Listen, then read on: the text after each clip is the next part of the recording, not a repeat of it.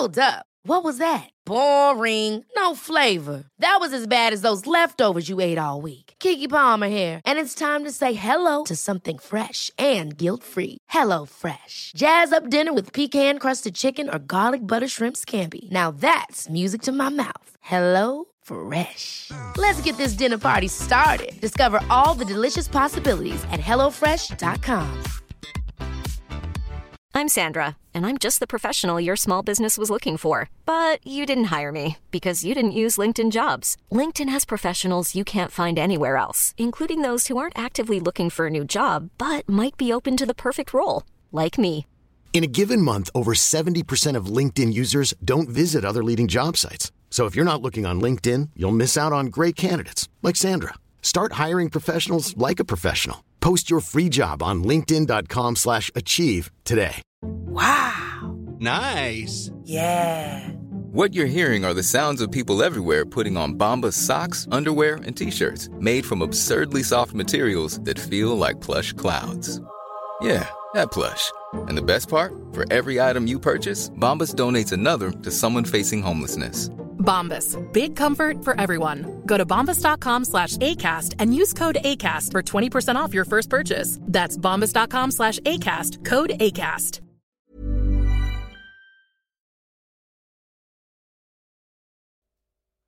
Hej och välkomna till ett nytt avsnitt av Bolagsanalyspodden.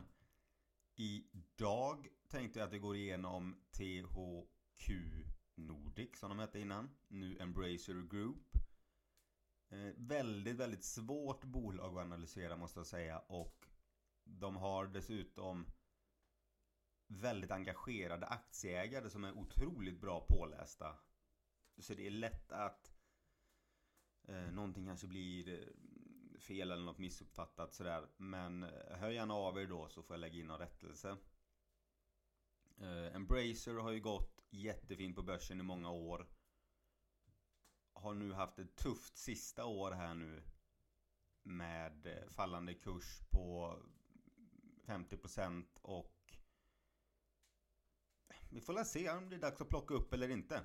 Vi kör igång. Embracer Group.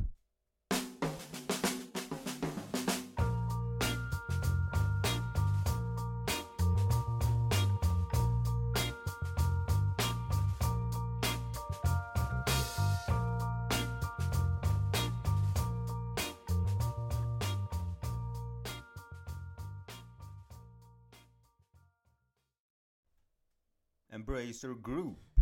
De har ju gått en lång väg från Värmland med Lars Wingefors i spetsen. Där de började med eh, små IPn och sedan förvärva och förvärva och växte och växte och nu är de ju 16 000 anställda ungefär. Bara 11 000 spelutvecklare så de satsar stort på kommande spel och nya släpp för att växa sin omsättning och bli större och större. Mm, de finns i 40 länder. Täcker av större delen av jorden. Många språk, många kulturer. Det är ett internationellt bolag Lars har byggt på en väldigt kort tid, vilket är otroligt imponerande. Och eh, hela den resan börjar väl egentligen med, vi ska säga sanning modifikation, den riktiga resan när det verkligen blev ett bolag alla snackade om det var ju när de förvärvade Koch Media. De gjorde kanonfint förvärv, ungefär 1,3 miljarder kronor. Fick fantastiska IPn och fantastiska spelstudios. Fick även någon italiensk eh, film, italiensk filmbolag också. Eh, du hade Saints Row, du hade Metro Exodus. Um, och de var tidigt ute i konsolideringen av gamingbranschen för de värderingarna de köpte sina första förvärv på är helt annorlunda än de värderingarna de har köpt företag och bolag nu. De ser där det är allt från spel, film, mobil. De har 132 interna studios. 132 stycken. Och det är allt från stora giganter till eh, små, små utvecklare. Och eh, Jag tror att de rullar runt 800, 850 tror jag till och med det står på deras hemsida. 850 IPs. Och även där är vissa IPn är, de är ju skit givetvis och är ju bara en siffra i statistiken. Men vissa är ju riktigt stora IPn som, ja men du har Saints Row, du har Metro. Du har eh, Borderlands, Brother, Brothers in Arms, gamla klassiska Duke Nukem. Så att många av de här IP'na de har, de har ju också en, innebär ju också att de har en ganska stark katalogförsäljning. Det är väl det som har varit halva grejen med Embracer. Det är att de från början förvärvade ett gamingbolag, de kom över en liten IP-portfölj, de eh, uppdaterade spelen, remasterade dem lite grann, sålde dem till nya konsoler, nya plattformar och sög liksom de sista dropparna ur de här klassiska spelen. Mm. Och vidare är det att om du har starkt IP så kommer det hela tiden få ny publik, den kommer få eh, gamla spelare köper spelet på nytt för de tyckte om det så mycket. Det kan bredda sig att det blir spelrättigheter till brädspel, till eh, filmer i denna tiden nu med Netflix och alla sådana här streamingtjänster så är ju content king. Därför Microsoft förvärvar mycket gamingbolag bara för att fylla sina olika Netflix för spel då om man säger så.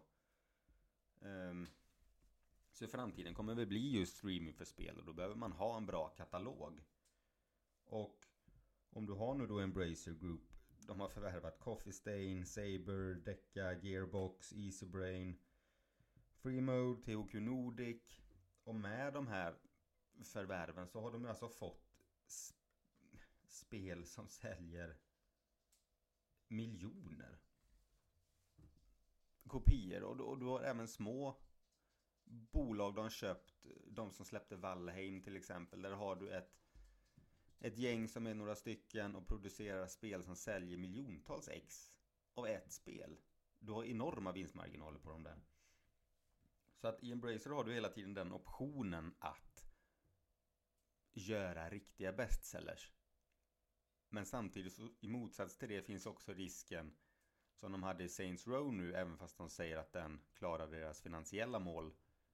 Att du har spel med hög budget, väldigt mycket satsningar från bolaget och så visar det sig att det floppar. Det slår extremt på kursen för du får ju liksom skruva ner hela ja men, hela den vinstsvans som du trodde att du skulle få av dem. Uh, nu det sista så har de ju också Jag vet inte, det känns lite grann som att aktien nådde sin peak Börsen nådde sin peak Lars tankar nådde sin peak där lite grann när de förvärvade nu Asmodee för 2,75 miljarder euro. Asmodee, Acemode Jag vet faktiskt inte exakt hur det uttalas. Sysslar med brädspel. Och jag kan på en nivå förstå syftet med att de förvärvade dem. För du, även här, du knyter en enorm IP-portfölj. Du kan ta digitala spel till analoga spel. Du kan ha brädspel som du tar upp till ett eh, datorspel. Det finns mycket innehåll du kan slå mellan alla olika plattformar här. Men samtidigt så är också brädspel någonting helt, helt annat. Det enda det har gemensamt är att det är en typ av spel. Och jag vet inte fan om det räcker om jag ska vara helt ärlig. För att det förändrar någonstans bolaget i grunden. Nu blir de helt plötsligt en underhållningskoncern istället för ett gamingbolag. Så att du får, kan, får nästan sätta helt andra värderingar, multiplar, du får ha helt annan tanke framåt. För att du kommer inte kunna ha samma, det är inte så att ett brädspel kommer slå fruktansvärt stort internationellt och kunna sälja hur många ex som helst och det driver omsättning och vinst som ett eh, datorspel har gjort innan. För eh, ja, det är helt, helt olika business. Och problemet nu är att de också är en väldigt stor del av hela Embracer Group. För, ja, ja så, nej, jag vet inte riktigt vad jag ska säga. Jag ser inte riktigt syftet med det här och jag vet inte fan om Lars gör det längre heller om jag ska vara helt ärlig. Men de har i alla fall en portfölj ungefär 970, 970 plus med spel. Eh, ikoniska speltitlar som de kallar det. Det är Ticket to Ride, Pandemic, Splendor, Wonders, Just One, Besserwisser, Exploding Kittens. De har distributionsavtal med Pokémon, Disney, Harry Potter, Sagan om ringen, Star Wars. Alltså det är ett stort bolag. Det är liksom ingen... Det är inte så att man har förvärvat ett dåligt bolag nödvändigtvis. Jag ser bara inte kanske var detta bolaget passar in i den bolagsstrukturen de har idag om de nu då inte vill bli ett nöjesbolag. Underhållning med alla typer, med film, med brädspel, med tv-spel. Och ja, min tanke är väl kanske inte att det var, det kanske inte var rätt tid att göra det på. Det gick för fort. Um, men jag ska försöka gå igenom lite mer siffror nu. Detta är lite bakgrunden vad de gör och hur de har tänkt framåt. Alltså det är ett compoundingbolag. De konsoliderar tv-spelsbranschen. Och de gjorde det tidigt, gjorde jättefina förvärv i början. Det har blivit dyrare och dyrare. Multiplarna har stuckit mer och mer. Personligen tror jag de har betalat överpriser det sista, mer risk i tagen. Och det är som sagt ett annat bolag nu än vad det var då. Eh, idag står de på, delat upp sin verksamhet i ungefär fyra ben. Du har konsol, konsol och datorspel. Grunden där de en gång började.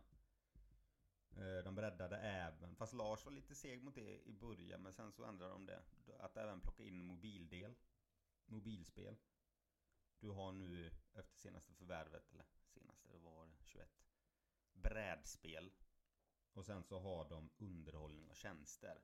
Och där är bland annat den här eh, eh, Som sagt den här italienska tv-delen som eh, jag berättade om innan. Jag tror de faktiskt hade rättigheterna till filmen Parasite. Den här sydkoreanska filmen va? Där det var en...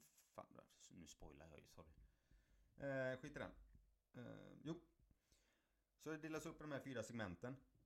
PC-konsol står för ungefär 43%, bordsspel 34%, mobilspel 15% och underhållningsservice 8,2%. Så att det är ju det, bordspel är ju en väsentlig del av omsättningen nu. Eh, om, om än inte störst så den ligger ju där och tuggar på. Eh, om vi ska liksom se varje del för sig vilka det är som har, eller vad det är de bidrar med. Så har du PC-konsol. Jag tänker gå igenom Q3 här nu. Jag kör inte årligt utan jag kör Q3. För att det förändras så mycket i detta bolaget också. I och med att så mycket förvärv kan ske och det... Eh, det blir svårt att eh, blicka framåt med. Så jag försöker ge en ögonblicksbild nu. Här vill jag tillägga att det blev fel här. Eh, jag råkade säga ebitda istället för ebit. Så jag har med er det. Och vidare sen så kommenterar jag deras Q2-rapport. Om jag vid något tillfälle säger Q3. Eh, de har brutit räkenskapsår så därför kan det bli att jag kanske blandar ihop det lite där. Men siffrorna är alltså från deras Q2-rapport. Nu kan jag återgå. Och då har du en digitala produkter på PC-konsol det är 3 miljarder varav fysiska är en halv miljard. Övriga intäkter är 700 miljoner. Du har en ebita på 582 miljoner med en marginal på 14 procent. Så att PC-konsol är, den är lönsam. Mobilspelen har du en nettoomsättning på 1,5 miljard. Du har en ebita på minus 88 miljoner. Du har en ebita-marginal på minus 6%. Och där kan man också se väldigt många mobilbolag. De kämpar, alltså reklamintäkterna går ner. Det är stenhård konkurrens i mobilsegmentet. Superlönsamt och bra om du tillhör vinnarna. Men det är väldigt svårt att tillhöra dem. Bordspel, eller Tabletop Games som de heter här. Du har en omsättning på 3,2 miljarder. Fysiska produkter här är 3,2 miljarder. Eller, jag ska vara helt... Det står 3 miljarder 250 miljoner har du omsätter du. Varav den fysiska är 3 miljarder 182 miljoner. Så digitala, digitaliseringen i det här bolaget är på 32 miljoner kronor. Det är ju försvinnande liten del. Vad man kan tro här, som jag även tror kanske Lars då har sett, det är att man kan se den här stora att vända mycket till digitalt. Att du kan digitalisera det här, du kan sälja mer. Nu förstår jag också att det är ett annat typ av syfte, men att du kan ha du kan göra brädspel digitala på ett annat sätt. Ehm, och digitalisera försäljningen på något vänster. Du kan ha olika samlarkort, behöver kanske inte bara vara fysiskt. Jag vet inte, det finns folk som kan det här betydligt bättre än jag. Men att bara ha nästan fysiska produkter 2023 med en omvärld som den är hade kanske inte skadat att pusha och försöka få det lite mer digitaliserat. Men eh, som sagt, jag antar och hoppas de har en plan för det där. Entertainment Services omsätter du 784 miljoner. Digitalt 144 och fysiska produkter 619. Du har en ebita på minus 96 miljoner. Eller ebit minus 96 miljoner. Och då en ebit-marginal på minus 12 procent både den här och brädspel så får man också tänka på att de har väldigt slagiga kostnader och intäkter. Du säljer mer eh, kanske till eh, vintern eller du säljer mer när det är Eh, julförsäljning, Black Friday etc. etc. Speciellt bordspelen har ju en enorma lager om man ska jämföra med Embracers tidigare verksamhet. Det är som sagt det är en helt annan business och då ska du dessutom då omvärderas på börsen kan jag tycka. Du kan inte bara värderas som ett techbolag om du inte är det längre. Då ska multipeln ner. Eh, du, du kan inte värderas som en snabbväxa. Växer du snabbt så ska du värderas som det givetvis. Men du har nu en annan grund i botten med så stort ben som är en helt annan tillväxt på. Kassaflödet från den löpande verksamheten uppgick till 580 miljoner. Ner från en miljard förra året. Nu pratar jag som sagt detta kvartalet som var nu. Du har investeringar i materiella tillgångar på en och en halv miljard. Eller 1,6 miljarder. Där är spel, eh, alltså produktutveckling. Det som kommer driva tillväxten framåt. Resultat per aktie före utspädningen eh, 2,21 kronor. Efter utspädning 2,20. Justerat resultat per aktie 2,12 kronor.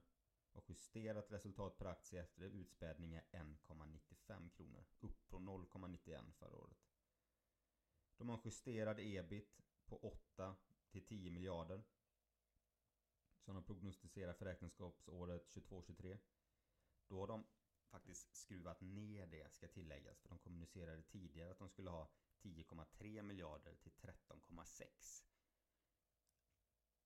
Mitt tips är ju, eller mitt tips. Jag tror ju att det är det har sålt betydligt sämre nu på grund av inflationen som har varit. Du har kostnadsökningar. Jag tror att du har en mycket svagare konsument än vad du hade tidigare. Du har haft vinstvarningar i branschen, bland annat eh, det franska Ubisoft. Och det är konstigt då om inte Embracer kanske inte kommer vinstvana men det är Det kommer kanske inte uppnå eller uppgå till analytikernas förväntningar.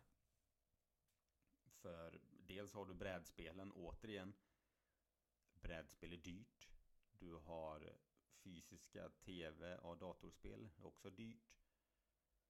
Att man kanske har köpt billigare spel eller man väntar lite grann. Eller man laddar ner spel olagligt istället. Eller man kommer runt det där på något sätt. För det är inte ett konjunkturokänsligt bolag. Det är riktat direkt mot konsument. Så det, det slår. Men det svåra här är också just med vinst per aktie. Det är det som är så svårt att räkna på en Bracer tycker jag. Att lättast är om du har ett vanligt jävla bolag som tillverkar skruv och muttrar. De säljer en skruv för 10 kronor. Den kostar 8 kronor att tillverka. Du har 2 kronor kvar. En krona går till overhead. Det som återstår sen det är skatt 33% och kvar har du liksom 67 öre. Så tjänar du 67 öre per såld mutter för 10 kronor. Och så kan du räkna det här. Du kan multiplicera hur många muttrar kommer säljas. Hur bra bla bla bla bla bla. Du kan inte göra det här på samma sätt. Dels för att det är sådana stora investeringar de tar i sin verksamhet. Dels att du har avskrivningar. Dels har du tilläggsköpeskillingar som slår in eller så slår de inte in. Du har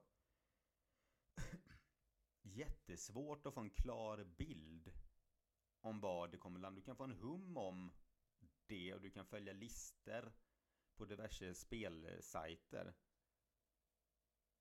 Och spel nu, gaming-sajter kan man väl säga också. Jag hatar när man, för, eh, när man tar ett gamingbolag och kallar dem spelbolag i, som Kindred till exempel. Men eh, skitsamma.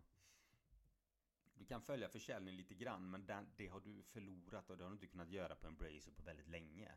När de var mindre kunde man kolla ungefär vad deras spel låg placerade och så kunde man göra en estimerad uträkning på det här tror jag de kommer omsätta. Det är long gone att kunna göra de enkla eh, lågt hängande frukterna på de analyserna. Så det är så många parametrar som styr deras resultat nu att det är jättelätt att gå vilse i det. Och jag tror inte att man som om man handen på hjärtat som enskild aktieägare tror sig ha koll på precis allting. För jag tror inte ens analytikerna som jobbar heltid med det här har hel koll. Nu ska de ju dessutom gått över till IFRS.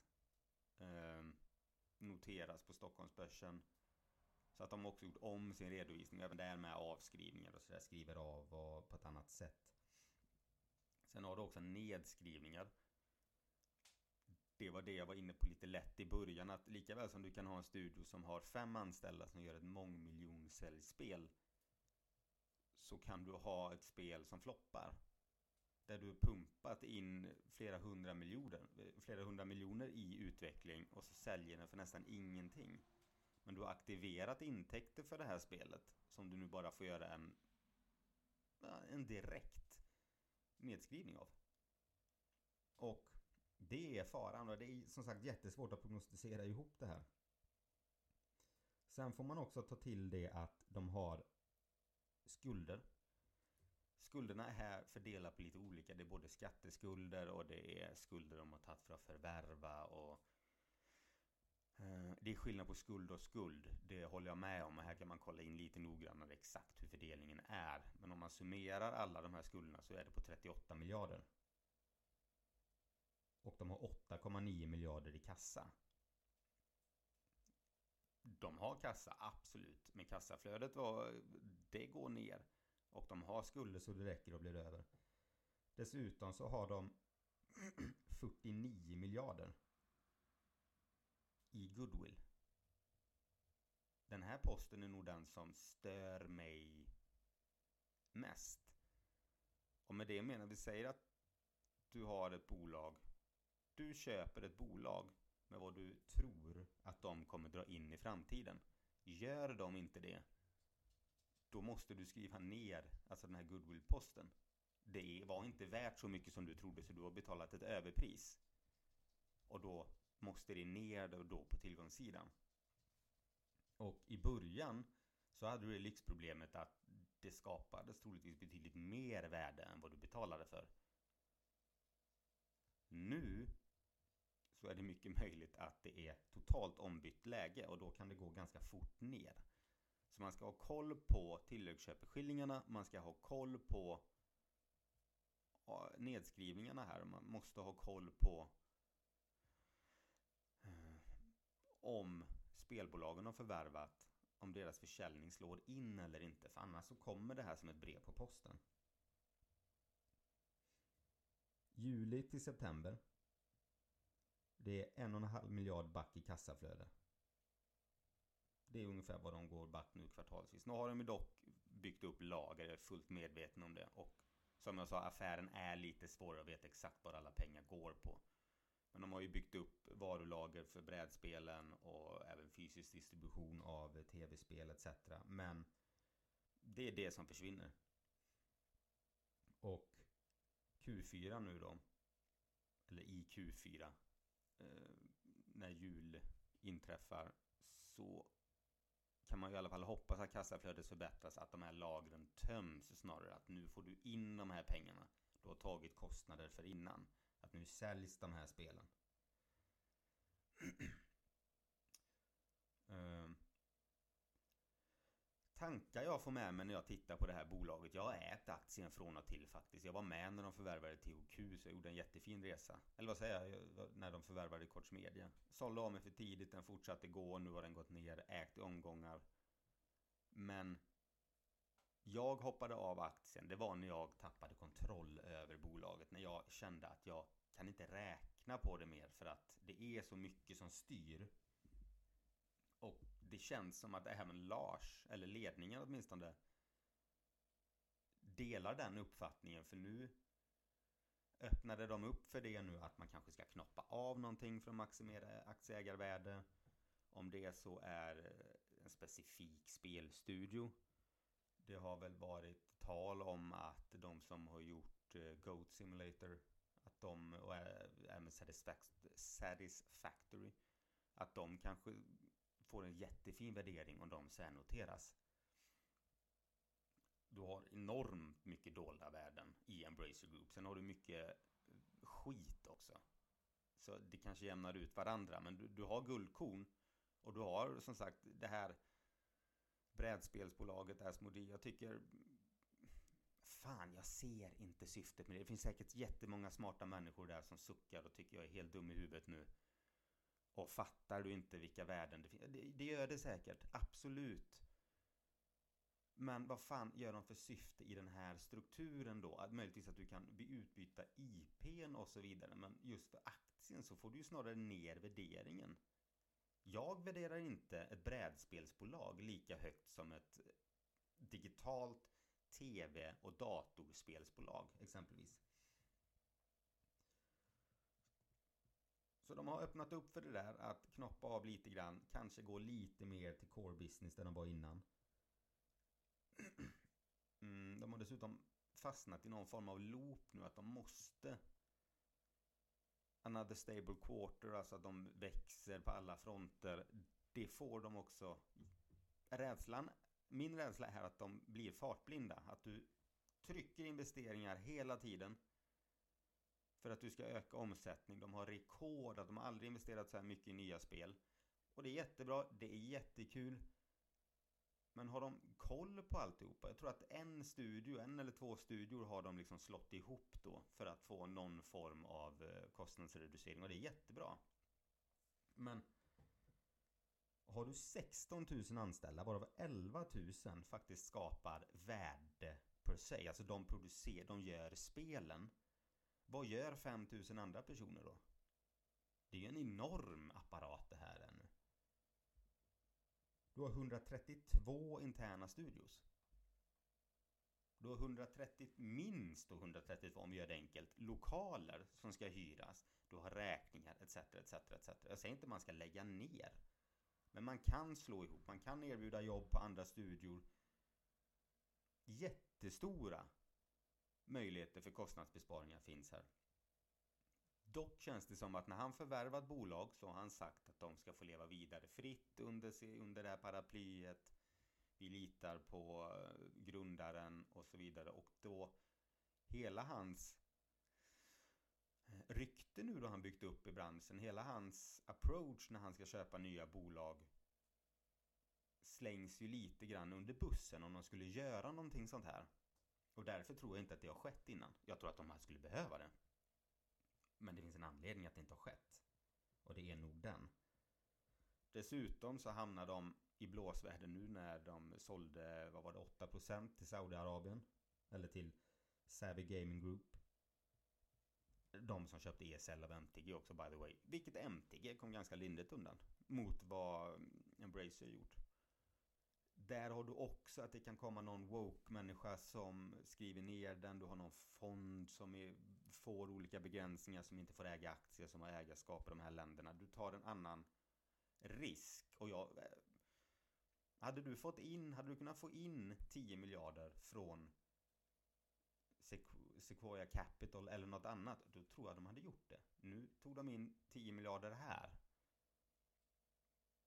Vilket innebär att pengar är inte lätta, lika lätta att ta in nu som det var då. Det är jättespännande bolag. Det är jättemycket intressanta dotterbolag. Jag gillar, i grunden gillar jag caset skarpt. Men jag, de har växt för fort. De måste bromsa ner nu, ta ner sin personal, kolla, se över alla deras projekt andas ett eller två år, knoppa av någonting, sälj någonting, renodla lite grann, se över verksamheten och sen kan man gasa igen. Nu känns det som att det är en snöboll som har löpt amok och bara blåser rätt ner för en backe. För det säger sig självt att det går inte hur länge som helst. Att trycka in alla pengar de tjänar, det trycks in, de tar in nya pengar, de förvärvar. Ja, det går inte heller nu. Det gick jättebra när du kunde förvärva med en aktie som var svindyr. Men ska de nu gå in och förvärva med en aktie efter de här rasen som har varit? Jag menar vad toppar aktien på 120 spänn? Vad var den nere på nu? 45? 50? Du får ju hälften så mycket bolag nu då. Om man nu då säger att det andra bolaget inte har rasat motsvarande. Så att de behöver bromsa. De behöver se över sin verksamhet, kostnadsbespara och renodla lite grann. Därmed inte sagt att det inte är köpvärt. För jag, jag lägger mig platt här. Jag erkänner det. Det är jättesvårt att räkna på det här tycker jag. Och jag kan sitta och gissa som alla andra gör och bla bla bla bla bla. Men en jävla nedskrivning på något projekt så slår det direkt på resultatet. Och det, det ska man ha med sig. Mm. Ja, det är lurigt. Jag vågar faktiskt inte säga. Jag, jag vet inte. Jag tittar på den faktiskt i min egna portfölj. Jag funderar på om man ska plocka in eller inte. Men jag vågar inte det. Det finns för mycket osäkerhet där. Tycker jag. Eh, jag ska inte vara långrandig. Jag hoppas ni fick med någonting. Eh, lite hårda fakta, lite spekulationer, lite om mitt eget tyckande. Det, det är vad det är. Hoppas ni uppskattade det. Eh, har ni felaktigheter? Hör av er så lägg in en rättelse. Fixar jag till det. Så får ni ha det bra så länge. Så ses vi. Hej!